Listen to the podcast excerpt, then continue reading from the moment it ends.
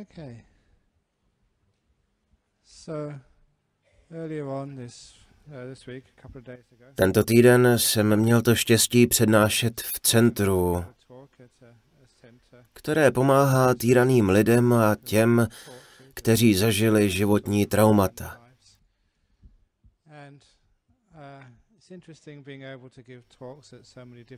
Je pro mne zajímavé přednášet na tolika různých místech a zvolit různá témata. Na konci jedné přednášky jsem dostal velmi pěkný dotaz od silně věřícího člověka. Ta otázka zněla, pokud se něco takového stane, ztrácejí buddhisté víru? Jak mohou po takových událostech znovu nalézt víru ve své náboženství, ve spiritualitu? Ztrácejí buddhisté víru nebo z toho viní karmu? Co se stane, když někdo zažije tragédii, trauma či dokonce mučení?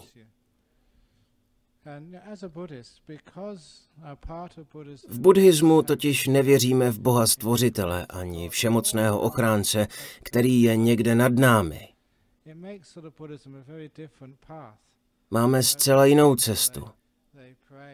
Lidé se často obrací o pomoc k různým nebeským bytostem, zejména když se blíží slosování loterie. A také když je potkají nějaké životní problémy.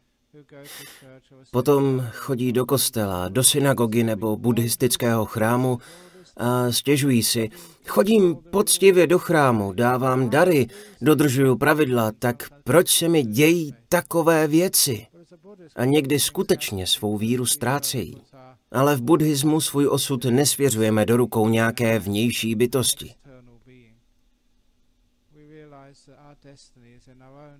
Uvědomujeme si, že náš osud máme ve vlastních rukou.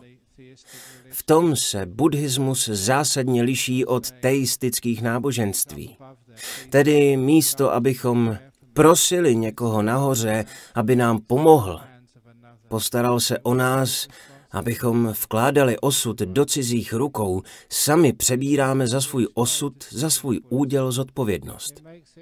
V tom je buddhismus jiný, jedinečný. Svým způsobem je to těžší. Uvědomíme-li si, že jsme sami zodpovědní za svou budoucnost, za své štěstí či utrpení, za svou prosperitu či mizérii, pak si své břemeno nakládáme přímo na sebe. Na nikoho nic nesvedeme, nikdo nám nepomůže. Můžeme sice požádat jiné lidi, aby nám poradili nebo nás vedli, ale je to naše vlastní cesta, naše zodpovědnost. Je to náročná výzva, protože když lidé potřebují pomoc, rádi spoléhají na otce nebo na matku. V reálném světě jsme bohužel často odkázáni jen sami na sebe. To ale neznamená, že nemáme žádnou naději. Místo moci nebeské, která by nás vedla a ochraňovala, máme totiž vlastní moudrost. Naše vnitřní božství, chcete-li. Moudrost, soucit a pochopení povahy světa a sebe sama. A zejména, jak už jsem zmínil, buddhistický zákon karmy. Když nás potkají nějaké problémy, není správné si pomyslet. Je to určitě moje karma. Měl jsem nehodu, jelikož jsem určitě v minulém životě naboural někoho jiného. To určitě ne. Dříve auta nebyla. Mohli jste bourat na nejvýš ve válečném voze, ale nevím, je to málo pravděpodobné. Takže lidé říkají, něco se mi stalo, je to moje karma. Buddha však v původních textech výslovně řekl, že takto se to nedá tvrdit. Stane-li se vám něco těžkého, nelze říct, to je moje karma. V důsledku bychom skončili ve velkém sebeobvinování s pocity viny. Jsem hrozný. Mám, co si zasloužím. A určitě víte, že toto je velmi častá reakce u lidí, kteří zažili mučení, znásilnění nebo bytí. Myslí si, že si to zasloužili. Každý přítomný psycholog, psychiatr, lékař nebo terapeut ví, že toto bývá obvyklá reakce. Tato reakce však brání v uzdravení a léčbu prodlužuje. Tedy karma nemá nic společného s vinou, s tím, že si něco zasloužím, vyčítám nebo jsem na někoho zlý. Místo toho raději přijmu odpovědnost. Znamená to, že se vždy snažím zjistit příčinu a hlavně, co s tím mohu v důsledku udělat. Jak se mohu posunout vpřed.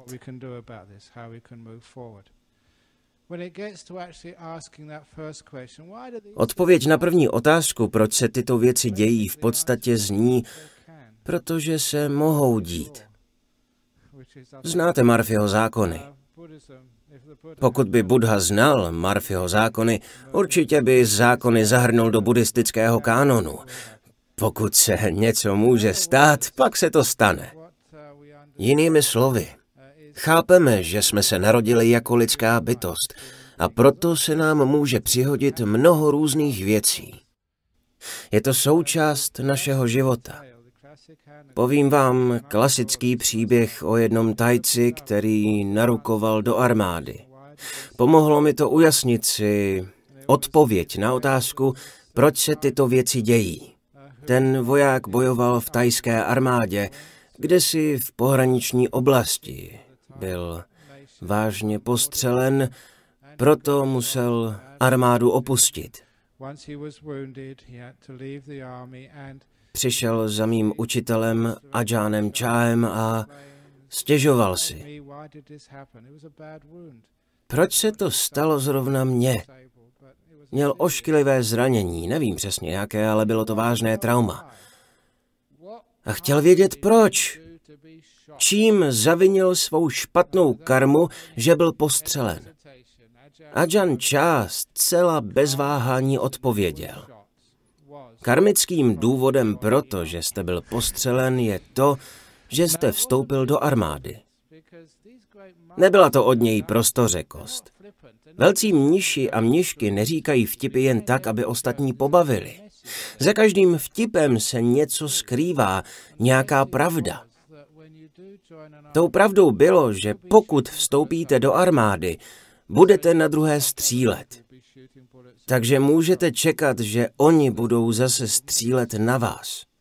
Většinou se netrefí, ale někdy bohužel ano. A on byl jedním z těch, koho trefili. To se někdy stává, stali v armádě. Je to zcela zřejmé a logické. Můžeme to rozšířit na fakt, že jsme prostě lidská bytost na tomto světě. Proč jsem dostal rakovinu? Proč mám srdeční onemocnění, vždyť jsem přece jedl zdravou stravu, meditoval a cvičil?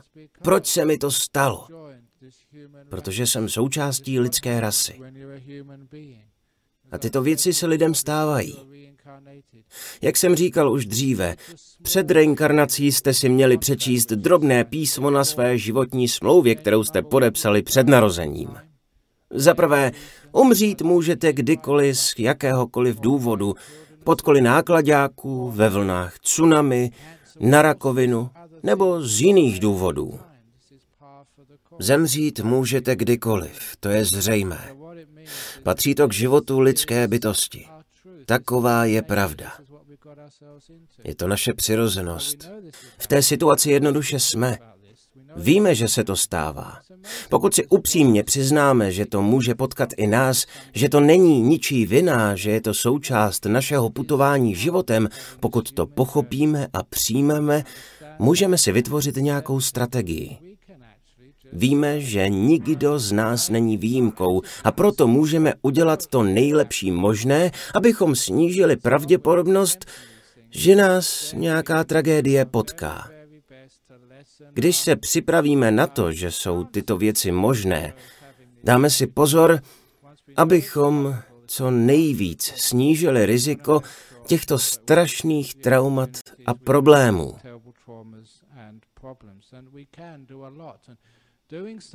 Můžeme proto udělat mnoho. Zákon karmy je právě o tom udělat něco, abychom snížili krizové situace, ve kterých nás může potkat bolest, utrpení nebo jiné problémy. Takže uděláme, co se dá. Pochopíme, že máme na výběr.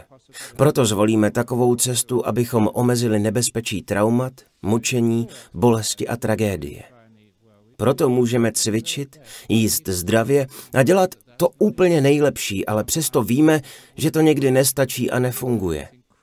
Takový je život. Ale snažíme se neustále zlepšit tyto své šance. V tomto vnímám asi nejdůležitější přínos buddhismu, že když nějaká traumata nebo problémy nastanou, neříkáme si, že to byla naše chyba, že někdo tam nahoře na nás zapomněl. Necítíme vinu ani hněv, protože pocity viny a zlost, jež někdy pocitují lidé, kteří zažili bolest, mučení nebo utrpení, jim brání v hojení ran. Bolest pak dlouho přetrvává. Mám vzpomínku na jednu rodinu. Stalo se to před mnoha lety, proto o nich mohu mluvit. Paní k nám chodila pravidelně meditovat. Jednou mi její kamarádka sdělila, že bych si s ní měl promluvit, protože má opravdu vážné problémy. Když jsem s paní pak mluvil, řekla mi, že zjistila, že manžel sexuálně zneužíval jejich děti. Přišli na to ve škole. Nahlásili to policii, vyšetřovalo se to a prokázalo. Otec se přiznal. Takže ona stála před obrovským problémem, který se týkal jí i jejich dětí. Naštěstí byla buddhistka a správně chápala damu. Věděla, co je pravda a co je podstata života. Uměla se oprostit od výčitek a pocitů viny, které by cítila většina žen v podobné situaci. Přemýšleli by, jsou to mé děti. Měla jsem si toho všimnout dřív. Jak to, že jsem je nedokázala ochránit? Proč jsem si vybrala takového muže? Pocit vlastní viny je v takové chvíli obvyklou reakcí. Ona ale za spoustu let získala hodně znalostí našeho učení a chápala, že se to může přihodit komukoliv. Věděla, že láska matky k vlastním dětem a též k partnerovi způsobuje, že daná osoba pak nevidí věci, které nechce vidět. Popírat realitu je přirozeností mysli. Proto bolestné, obtížné věci vidět nechceme, protože by nám ničili život. Je přirozené, že tyto věci nevidíme. A někdy nic nezmůžeme. Taková je psychologie mysli. Proto se také lidé rozcházejí. Řada z vás jistě není v prvním vztahu. Nevím, kolikrát jste byli v manželství, dvakrát, třikrát, čtyřikrát. Tady Denis oddává snoubence, má vždycky dobrý biznis, když je další svatba. tak to bývá. Častokrát, když se lidé rozcházejí, přijdou se sem poradit. Většinou jeden z partnerů říká, nechápu, v čem je problém. Bylo nám spolu tak fajn. Pak přijde druhý a poví, že vztah se rozpadal už mnoho let. Ale druhý partner si myslel, že všechno klapalo. A tak to je. Protože vztah nám nepřináší jen spoustu lásky, radosti, ale dává našemu životu i určitý smysl a proto jakýkoliv náznak, že je problém, prostě nevidíme. Mysl to neregistruje. Taková je přirozenost mysli. Bolestné věci bývá velmi těžké vidět. V buddhismu to velmi dobře víme, existuje proto pojem vypalása v jazyce pálí. Naše prožitky, myšlení a vnímání jsou v podstatě zkreslené. Ještě dříve, než něco poznáme, odfiltrujeme to, co si nepřejeme slyšet a propustíme jen to, co slyšíme rádi. Taková je povaha a psychologie mysli. Buddha na to přišel už před dvěma a půl tisíci lety. Tato ubohá paní to hned chápala. Uvědomila si, že si nemusí nic vyčítat, že byla dobrou mámou, dobrou manželkou, že dělala to nejlepší možné a prostě to nemohla vidět. Byl proto dobrý důvod. Bylo to jednoduše příliš bolestivé, než aby si to připustila. Tím pocit viny i hned zmizel. Nevím, kolikrát jsem už tady opakoval, že obvinování nemá v buddhismu místo. Sebeobvinování způsobuje, že problém začne zahnívat a je stále horší a horší. Ta paní to mnohokrát slyšela a dobře chápala a proto se nic nevyčítala. Druhou věcí je házení viny na partnera. To je snadné. Způsobí-li člověk takové množství utrpení dětem a rozpad manželského vztahu, kterému jste věnovali tolik úsilí, času, sebe a on to zničí, je to nechutné. Ale ona chápala, co je karma, jak funguje mysl, jaká je podstata štěstí a moudrosti, laskavosti a soucitu. Proto se jí povedlo velmi rychle se oprostit od veškerého hněvu a nenávisti ke svému partnerovi. Dobře víme, že hněv a nenávist ubližuje mnohem více nám samotným než tomu, kdo je předmětem naší zloby. Existuje známé přirovnání o účinku hněvu. Jako byste vzali do ruky žhavý uhlík a pokusili se ji na někoho hodit. Většinou ani netrefíte, ale pokaždé se sami spálíte. Kdykoliv se na někoho naštvete, vždy si ublížíte sami. To je stoprocentní pravda. Někdy ublížíte i tomu druhému, ale většinou ne. Sobě ale vždycky. Když se na někoho naštvete v některých zemích, jako je Austrálie, to může být kulturně akceptovatelná reakce, ale lidé, kteří chápou, jak mysl a svět funguje, vědí, že hněv je zcela dysfunkční, ničemu nepomůže, nepřinese očekávaný efekt a problémy nevyřeší. Ta žena to dobře chápala, protože znala buddhismus a uměla meditovat. Místo, aby cítila vztek nebo někoho osočovala, přijala odpovědnost.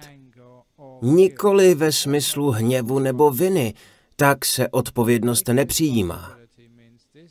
Přijmout odpovědnost znamená pochopit, že jsem v této situaci a bez jakéhokoliv hněvu či výčetek zvážit, jak se mohu posunout vpřed. Minulost nemohu změnit. Hněv a vina znamená nimrat se v minulosti.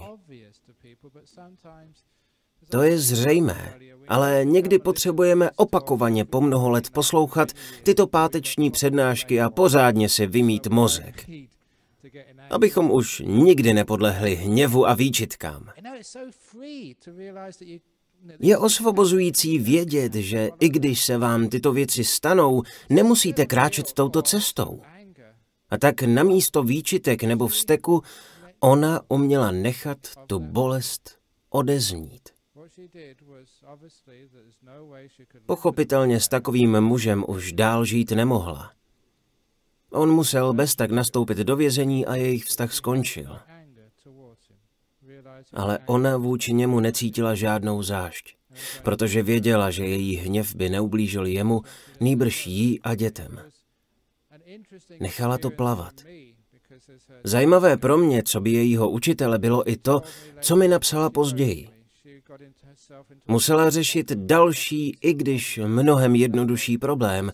Jako matka svých dětí musela docházet na terapii. Bylo jí to nařízeno z důvodu této traumatické události. Její terapeut ale bohužel vůbec nechápal buddhistický přístup. Takže když ona prohlásila, že necítí žádnou nenávist, že svého partnera netouží zavraždit ani poslat do pekla, terapeut si myslel, že ona svůj problém popírá.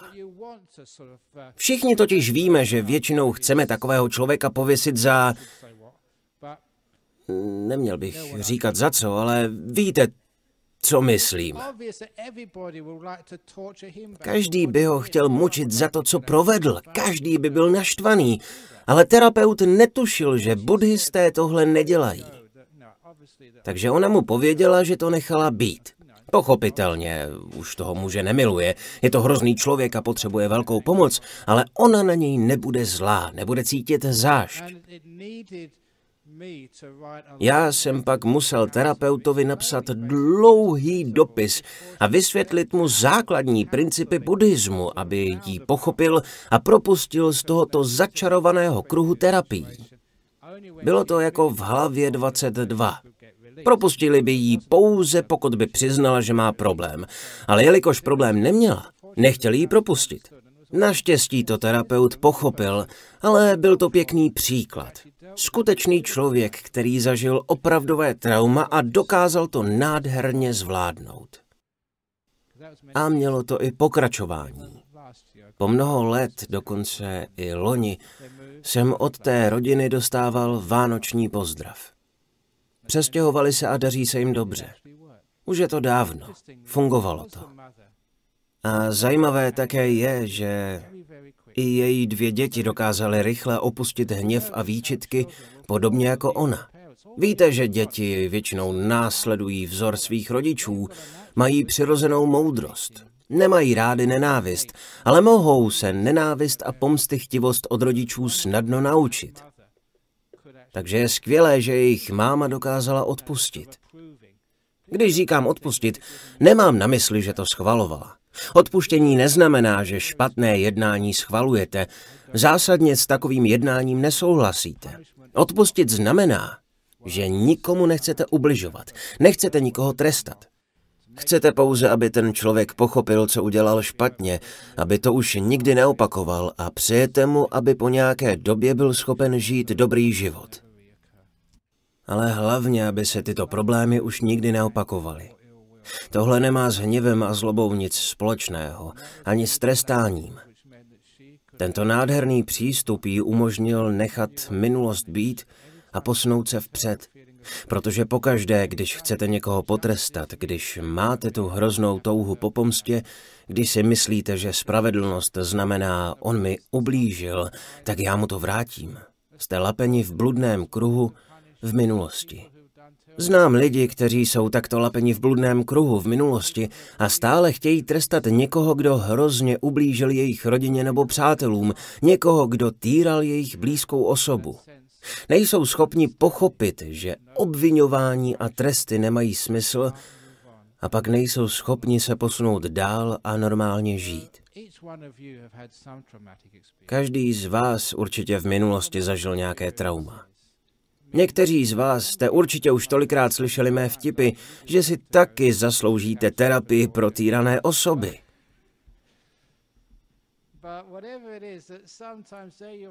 Ale když jste ve složité situaci, v buddhismu říkáme, že je to ingredience tohoto okamžiku. Buddhismus říká to, co mi zdravý rozum mnohokrát napovídal ještě předtím, než jsem buddhismus poznal. Pokud mám něčemu čelit, musím přestat hledět do minulosti a naříkat, proč se to stalo. Namísto toho se musím zaměřit na to, co s tím teď udělám. Opět vás budu týrat klasickým příběhem, známým podobenstvím o fůře hnoje, jak jsem už vyprávěl včera, ale nazvěme to pravým jménem. Je to název amerického vydání mé knihy, které mi kdosi předložil a žádal mě o autogram. Chtěl jsem ho nazvat, promiňte mi, kdo objednal tu fůru sraček? Ve Spojených státech to však takto nejde vydat. Nechápu proč. Já toto říkám, protože stejné slovo používáte i vy doma i v práci. Takže to podobenství o fůře sraček znamená, že přijdete domů z nádherné přednášky, nebo z večeře v restauraci, nebo z práce po pěkném dni a zjistíte, že někdo vysypal celou fůru exkrementů přímo před vaše dveře. Zapamatujte si dvě důležité věci. Za prvé, vy jste si to neobjednali. Není to moje vina. No Za druhé, nikdo, ani vaši sousedi, ten nákladák neviděli, takže netušíte, která organizace to byla a nemáte komu zavolat, aby si to odvezl. Vězíte v tom až po uši. Takže tu fůru jste si neobjednali, ale jste v ní až po uši. Podobenství popisuje dvě věci, které většinou lidé s fůrou sraček dělají. První. Člověk si to nacpe do tašky, do kapes, pod košili, pod sukni a nosí to sebou. Ale zjistíte, že když někdo zvolí tuto strategii a nosí sračky sebou, většinou ztratí mnoho přátel.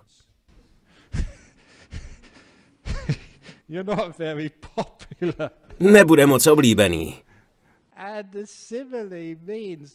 To podobenství znamená, že když se vám přihodí trauma, problém a nosíte to sebou, jste negativní, jste naštvaní a utápíte se v žalu. Říkám to lidem úplně přímo. Pokud si stále jen stěžujete, jsem chudák, stalo se mi to a to. Ano, co se vám stalo je hrozné a všichni to chápou, ale pokud budete stále jen negativní, jsem chudák, proč se mi to stalo, budete-li zlí, mrzutí, budete-li negativní, je jasné, že po určité době s vámi nebudou chtít být ani vaši nejlepší přátelé. Nikdo nechce být s negativním člověkem, je to přirozené, i ti nejlaskavější lidé toho budou časem mít pokrk. Nicméně se vším tím hnojem můžete udělat úplně jinou věc. Je to sice těžké, ale můžete jej zakopat na zahradě. Pokud zahrádku nemáte, my máme krásný klášter v Gidžigenup nebo v Serpentine. Dokonce i zde můžete založit zahrádku, takže prosím, přineste všechny své sračky sem. My si vlastně zrovna takovou fůru do kláštera Bodiniana objednali. Tento mnich má na starost kompost a vlastně je pro náš kompost objednal. Skvěle. Je to těžká práce a byla to opravdu těžká práce. Vyložit to z vlečky a zarít to do země. Po čase však zjistíte, že když zarijete ten hnůj na zahradě, vaše mango, jablka, banány, papája, celá vaše zahrada bude těmi plody jen překypovat. Nejen, že budete mít hromady ovoce, ale bude též náramně sladké a lahodné. A víte proč? Díky těm sračkám. Budete těch plodů mít tolik, a to je důležitá část tohoto podobenství, že se o ně budete moci podělit i s přáteli, třeba i s mnichy nebo s mniškami, dalšími lidmi, klidně i s charitou. Budete toho mít kupy a neskutečně dobré. Co tím myslím? Pokud vaše traumata nebo životní problémy zakopete na zahradě, namísto abyste si stěžovali, byli zlí a naštvaní a nosili je v sobě, umožníte si, aby rostla vaše nádherná moudrost, laskavost a soucit. A nejen pro vás. Plody nebudete sklízet jen vy. Dáte je i svému partnerovi, rodině, přátelům, mnoha lidem. Toto je překrásná vlastnost vaší zahrádky. Nemusí být totiž jen pro vás. Vaše plody si užijí i další lidé. Máte-li na zahrádce květiny, můj bože, budou voňavé a krásné. Možná, že všichni lidé ty krásné květy neuvidí, ale určitě ucítí jejich vůni. Takhle to bývá, když zvládnete zpracovat těžkosti svého života a stanete se krásným člověkem, moudrým a laskavým. Druzí lidé, kteří vás budou potkávat, se budou kochat vůní. Tou, kterou jste si sami vypěstovali. Je nádherné vidět krásné, moudré lidi a být v jejich přítomnosti, neboť to, co vytvořili ve svých zahrádkách, si pak můžeme vychutnat my všichni. Tak to bylo podobenství o tom, jak zpracovat naše potíže, tyto ingredience života. V buddhismu zákon karmy říká, že ať jsou tyto ingredience jakékoliv, vždy s nimi můžeme něco udělat. Sračky jsou nejhorší ingrediencí. Ale život přináší spoustu dalších přísad. Někdy je to bohatství, jindy chudoba. Někdy úspěšný vztah, jindy bolest z odloučení, pokud vás někdo opustí nebo zemře. To vše jsou ingredience života.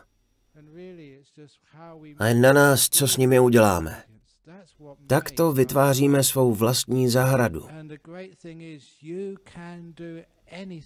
Je skvělé, že můžeme vytvořit cokoliv z jakoukoliv ingrediencí. Zákon karmy říká, že váš úkol je pracovat s ingrediencemi, které vám život přináší. Někdy má ta fůra hnoje svou příčinu, jindy se prostě objeví, aniž bychom si ji objednali. Proto tvrdím, není to vaše chyba. Nemůžete říct, ty sračky jsou moje karma. Prostě tu jsou. Jste v tom až po uši. Nevíte sice proč, ale rozhodně máte možnost to zakopat na zahradě. V důsledku to znamená, že po každém traumatu, tragédii nebo něčem zlém v životě nemarníme čas negativitou. Vytáhneme rýč a kolečka a začneme pracovat. Není to tak těžké. Potřebujeme jen povzbuzení. Druzí lidé tu práci za nás neodvedou. Mohou nám tleskat, mohou skandovat. Mohou nám také povědět, jak oni zvládli zpracovat svůj hnůj a povzbudit nás, že to jde a jak to nejlépe udělat. A tím nás pobídnout.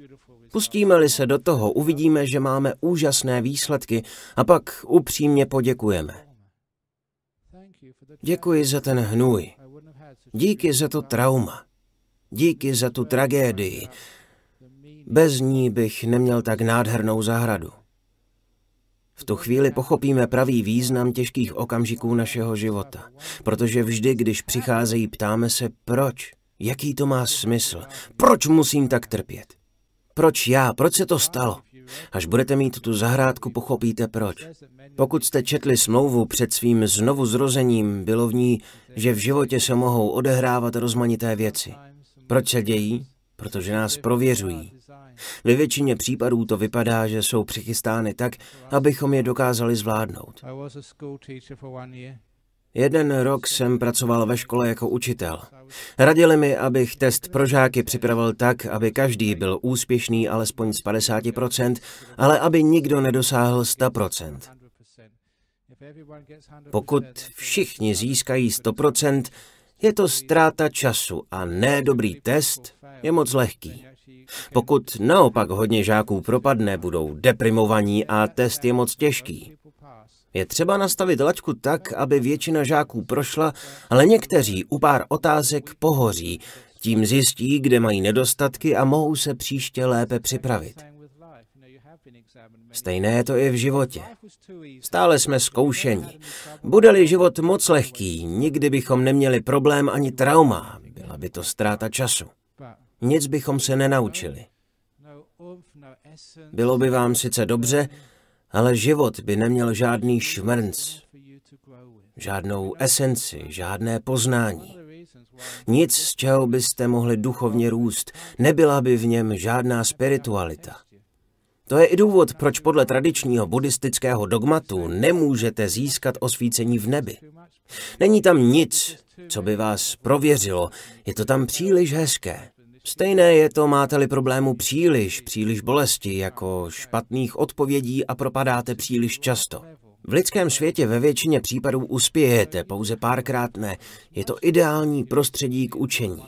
Takže v životě zažijete mnoho šťastných chvil.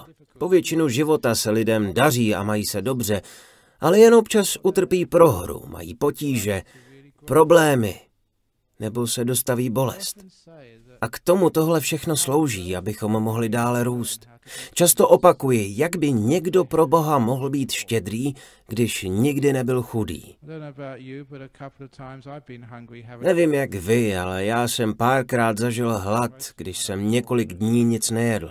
Většinou to byla moje chyba, protože jsem cestoval bez peněz. Ale když víte, co je hlad, skutečný hlad, Je nemožné minout bez povšimnutí potřebného, který prosí o jídlo. Víte, jak se cítí. Proto je někdy užitečné držet půst. Dva, tři dny bez jídla. Doktoři možná nebudou souhlasit, ale já hovořím o duchovním přínosu. Pak pochopíte, jaké to je pro někoho třeba na Haiti, kdo tři nebo čtyři dny nejedl.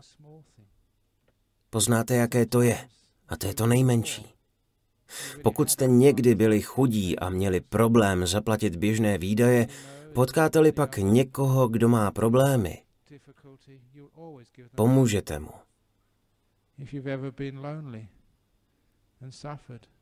Když poznáte osamění, když se trápíte, že nikoho nemáte, víte, jaké to je. A pak za vámi přijde někdo a poprosí vás o pozornost.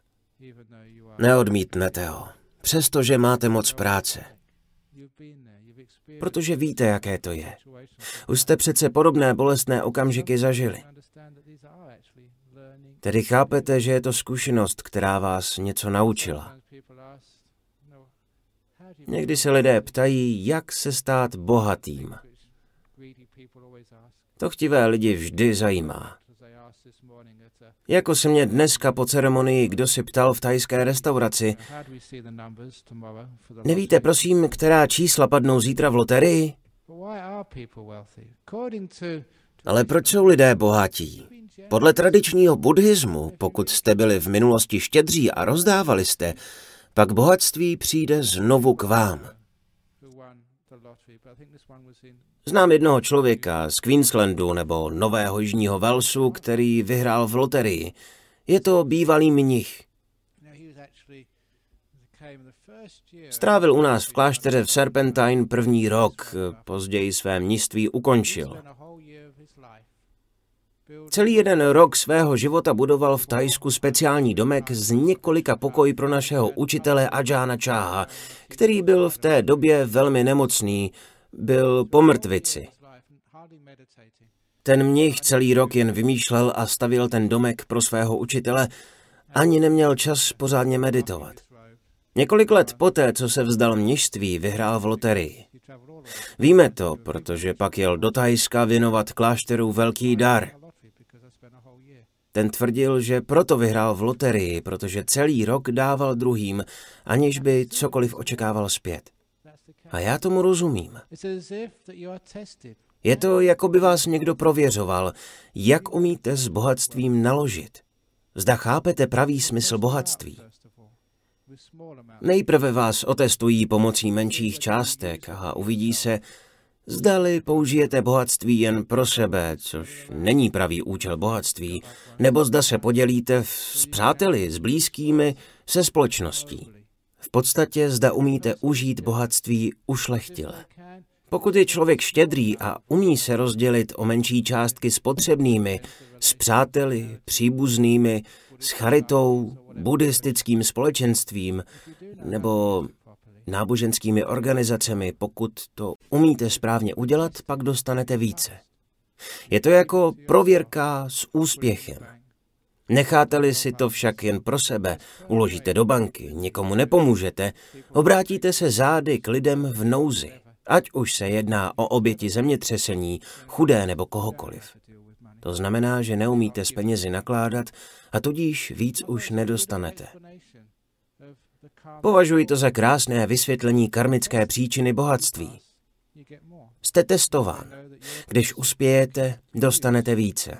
Protože je zřejmé, že jste člověk, který umí peníze správně použít. Prostě přirozený zákon vesmíru. Tedy pokud jste měli někdy hluboko do kapsy, nebo byli někdy nemocní, pokud jste tyto věci okusili na vlastní kůži, víte, co znamená těžce strádat. Pak nemůžete obejít člověka, který trpí bolestí. Někdy slyšíte nebo čtete v novinách ty hrozné příběhy, i tady v Perthu, že někdo leží na cestě zraněný a lidé jezdí kolem a nezastaví. Nezastaví, aby mu pomohli. Proč to tak je? Protože oni nevědí, jaké to je být zraněný, být sám nebo chudý. Jakmile jednou víte, jaké to je, nemůžete jednoduše jen tak projít kolem. To je jeden z největších přínosů toho ocitnout se v těžkých životních situacích. Z traumat, těžkostí a problémů se opravdu hodně naučíme. Víme, jaké to je. Soucit a empatie rostou jako přirozený důsledek těchto zkušeností. Tím se z nás stává mnohem lepší člověk. Takto pracuje zákon karmy. Takto se učíme.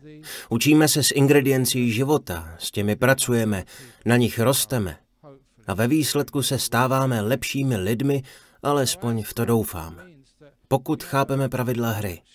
To znamená, že máme mnohem ušlechtilejší a efektivnější způsob, jak se vypořádat s životními problémy, které nás potkají. Budeme pak potřebovat psychologa nebo psychiatra mnohem méně než běžný člověk. Ušetříme hodně peněz. Sám si vzpomínám na jednu velmi traumatizující událost, která se mi přihodila před několika lety. Pro ty z vás, kteří sem chodíte už dlouho, bylo to, myslím, 31. ledna 1991. Měli jsme v klášteře Bodiniana obrovský lesní požár. Byl jsem u toho. Požár v korunách stromů. Byl to do té doby nejteplejší den v dějinách západní Austrálie. O pár dní později byl rekord překonán, ale dodnes je to druhý nejteplejší den v tomto městě. Požár zachvátil náš klášter, stromy explodovaly. Byli jsme evakuováni na úpatí kopce k jeho západní dálnici. Přijeli reportéři a dali mi před ústa mikrofon. Natáčeli se mnou rozhovor pro zprávy o šesté do televize. Druhý den byla zpráva na titulní straně západoaustralských novin. Um, uh, Obrovský požár. Ta reportérka mi o několik dní později volala. Vzpomínám si, jak řekla, že o mě chtějí natočit pořad. Zeptal jsem se proč. Odpověděla, že dělá rozhovory s lidmi po podobných traumatech a tragédiích už mnoho let. A toto bylo poprvé, kdy dělala rozhovor s někým, kdo byl v takovém klidu, přestože zažil život ohrožující trauma. Řekl jsem, jistě, jsem buddhistický mnich, takový jsme. Ona na to, že nikdy předtím nic takového neviděla a zdali by mohla se mnou udělat rozhovor. Ptal jsem se, co to je za pořad. Byl to Hinge Report. Byl to velmi nebezpečný pořad. Když jsem se radil s lidmi z výboru, varovali mě, ať se toho raději vyvaruju. Prý mě rozcupují na cucky, nevím. Tedy jsem odmítl, ale o pár dní později přišli studenti z Mardokovy univerzity. Chtěli s námi dělat studii o traumatu. Protože toto bylo trauma. Nikdo sice nezemřel, ale bylo tomu velmi blízko. Kladli nám různé otázky. Vrací se vám ty okamžiky? Zdá se vám o ohni, o kouři? Řekl jsem ne, ne, ne, ne. A oni byli velmi zklamaní. Bylo to přece trauma. Ale jsem přeci buddhistický mnich a tyto věci u nás opravdu fungují. Ano, šlo tam o život a všechno bylo zničeno, ale prostě jsem to nechal být. Překonal jsem to. Namísto toho jsme se soustředili na opravu kláštera, opravu infrastruktury, abychom mohli dále fungovat. Tyto zkušenosti mi ukázaly, že existuje jiný reálný způsob, jak se vypořádat s životními obtížemi a traumaty. Naučili jsme se s tím spoustu věcí, například o požární bezpečnosti. Místní polesný nás pak dokonce dával za příklad pro ostatní. Myslím, že to bylo někdy v roce 2004. Australský hasičský záchranný sbor eh, udělil nám mnichům cenu. Pan Mitchell Roberts nám přijel předat ocenění za požární bezpečnost do kláštera Bodiniana. Co dál se ještě stalo? Jednou nás v našem klášteře navštívil polesný kvůli namátkové kontrole. Chtěl zjistit, zda máme všechno v pořádku. A shodou okolností byli všichni mniši zrovna v požárních oblecích, hasili oheň, vše bylo v chodu. Měli jsme protipožární cvičení, skutečně. Polesný se ptal, vy jste věděli, že přijedu? Ne, ne, ne, řekl jsem. Přijel na kontrolu přímo uprostřed našeho cvičení. Vidíte, že my mniši to fakt umíme.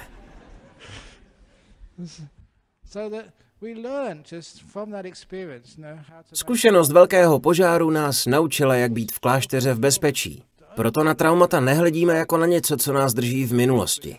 Poučíme se z nich a často je dokonce přivítáme. Jsou součástí života nás všech. Být postřelen je součástí toho být vojákem. Součástí vztahu jsou i potíže, které spolu máte.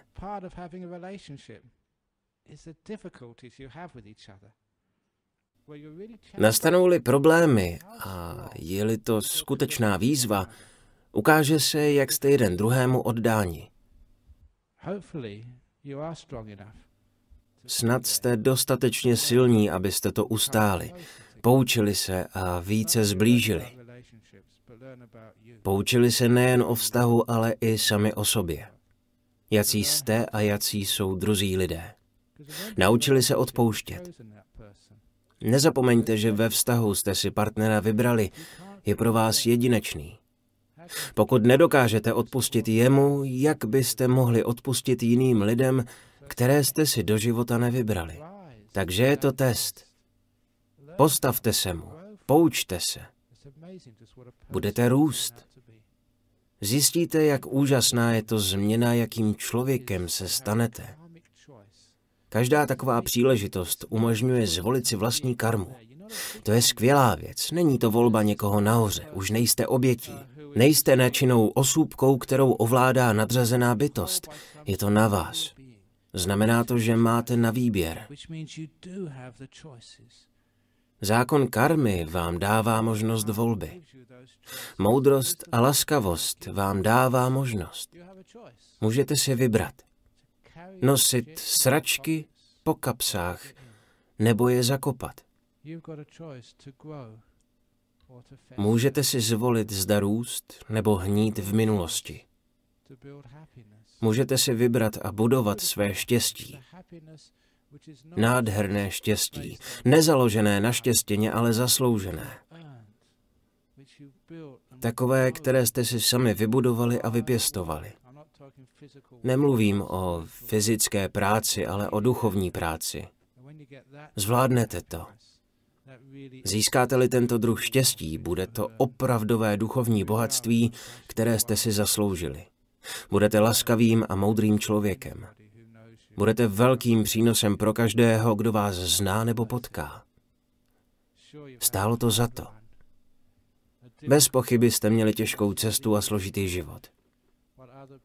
Ale v pozdějších letech života, kdy se jiní lidé obávají smrti, bojí se o svůj důchod, zda budou mít z čeho žít, mají starosti o své peníze, vy nebudete mít strach z ničeho. Máte své duchovní bohatství. Vybudovali jste si ho. Monk. Často vtipkuji, že jsem mnich jen pár let před penzí. Nemám penzijní připojištění, nemám žádné akcie, nemám žádné ulité peníze, nemám žádný majetek. Zrovna dnes odpoledne jsem vyplňoval žádost o kartu zdravotního pojištění pro nízkopříjmové. Sekretářka mi ji pak podepisovala. Zbožňuju vyplňování takových formulářů. Ptají se, výše vašich příjmů? Nula. Vaše akcie? Nula. Váš důchod? Nula. Příjmy z nájmu? Nula. Nula, nula, nula, nula.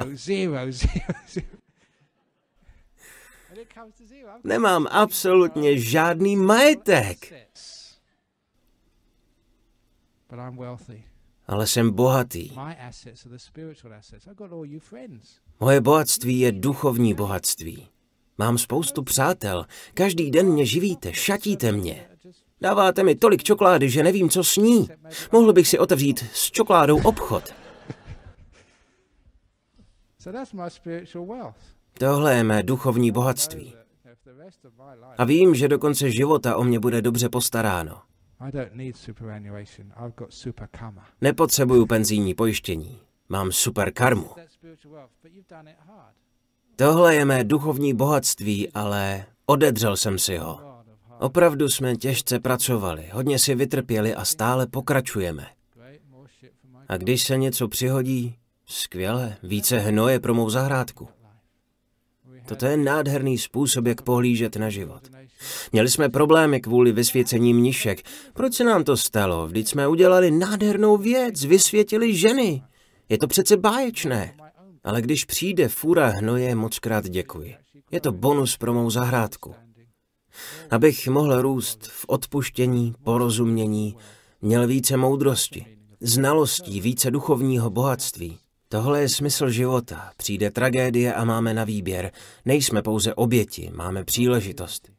Později, pokud ne již teď, budeme, doufám, chápat, proč se vám tyto věci dějí. Dějí se proto, že život sám má za to, že je dokážete zvládnout. Někdy se vám může zdát, že to nezvládnete, že je toho příliš. Někdy ale takto neuvažujte. Potřebujete-li povzbudit, přijďte se podívat na nás, na mnichy a mnišky.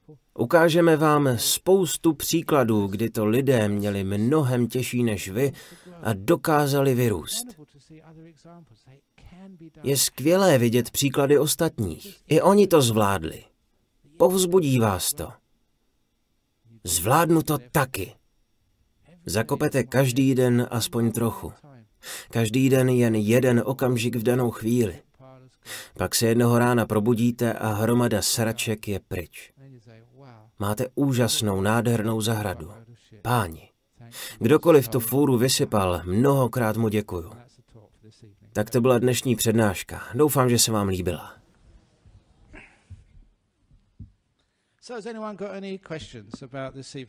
Máte prosím někdo nějaký dotaz nebo komentář? O tom, jak zvládat traumata, tragédie nebo problémy? Ano, vy tam vzadu.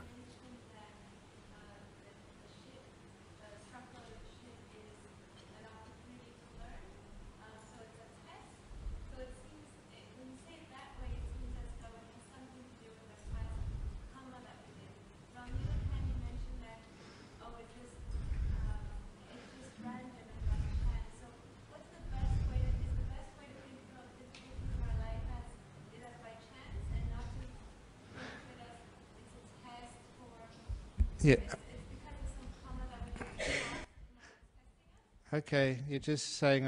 Ano, ptáte se, stanou-li se vám tyto věci, proč to je? Zda je to test nebo příležitost nebo nějaká špatná karma z minulosti? Znovu opakuji, už v úvodu přednášky jsem varoval, abychom si nemysleli, že je to výsledek nějaké špatné karmy, takovým velmi zjednodušeným způsobem. Udělali jste něco špatného a toto je váš trest. Teď budu potrestán. Já mývám senou rýmu. Tedy jsem nejspíš, když jsem byl malý, praštil někoho do nosu a proto teď mám problémy s nosem. Tohle je velmi zjednodušené, hloupé. Lze si takto dělat legraci, ale není to moc smysluplné. Takže se nenechte chytit do pasti viny a trestu.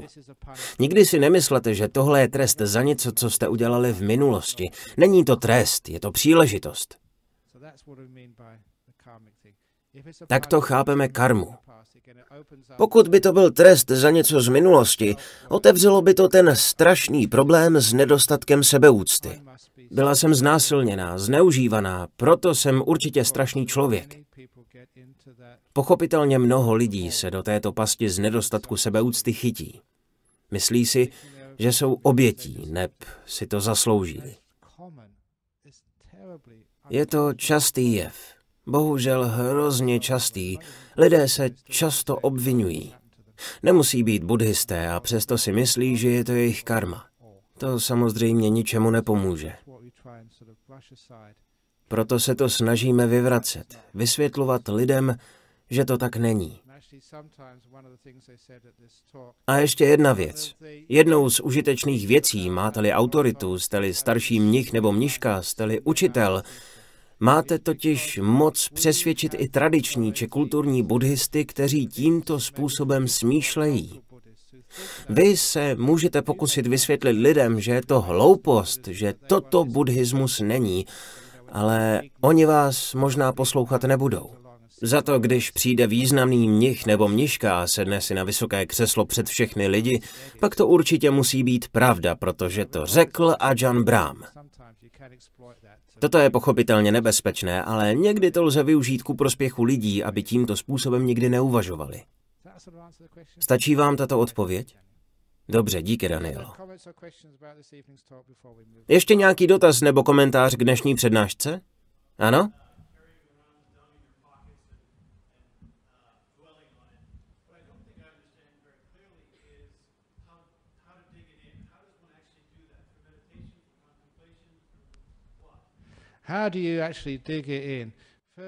Jak tu fůru zakopat? Za prvé tedy přijmout to. Přijmout to jako svoji součást. Tím, že to přijmeme, akceptujeme, zjistíme, že z větší části trauma zmizí. V buddhismu se používá pro utrpění pojem duka. Často mluvíme o dvojnásobném duka. Máte nějakou bolest, například vám zemřela maminka. Máte tedy bolest z úmrtí. K tomu si říkáte, já tu bolest nechci, já nechci být v tomto stavu. Je pak dvojnásobná. První část bolesti je ta fyzická, druhá je mentální, nebo propadnete u zkoušky. Nechci propadnout. Násobíte to nepřijetím. Propadli jste u zkoušky, to je sice problém, ale můžete u toho zůstat. OK, propadl jsem, OK, beru to, jsem v pohodě. Takže přijmete vše, co se stane. Tím, že to přijmete, vpustíte dovnitř, hnojíte tu svou zahrádku. Pokud to odmítáte, je to zlé, nemělo se to stát, nebo tím, že to popíráte, odstrkujete to od sebe. Přijměte to, vpustíte dovnitř, buďte s tím. To je moudrost. Dává to smysl? Dobře. Je milé, že to říkáte. Už jsem měl trochu obavy. Ano. Přijmout, ano. Neodmítat. Poznáte ten pocit. Když to znáte a vidíte pak u druhých lidí, budete se umět do nich vcítit. Výborně, myslím, že to už dnes stačí, takže vám všem děkuji za pozornost.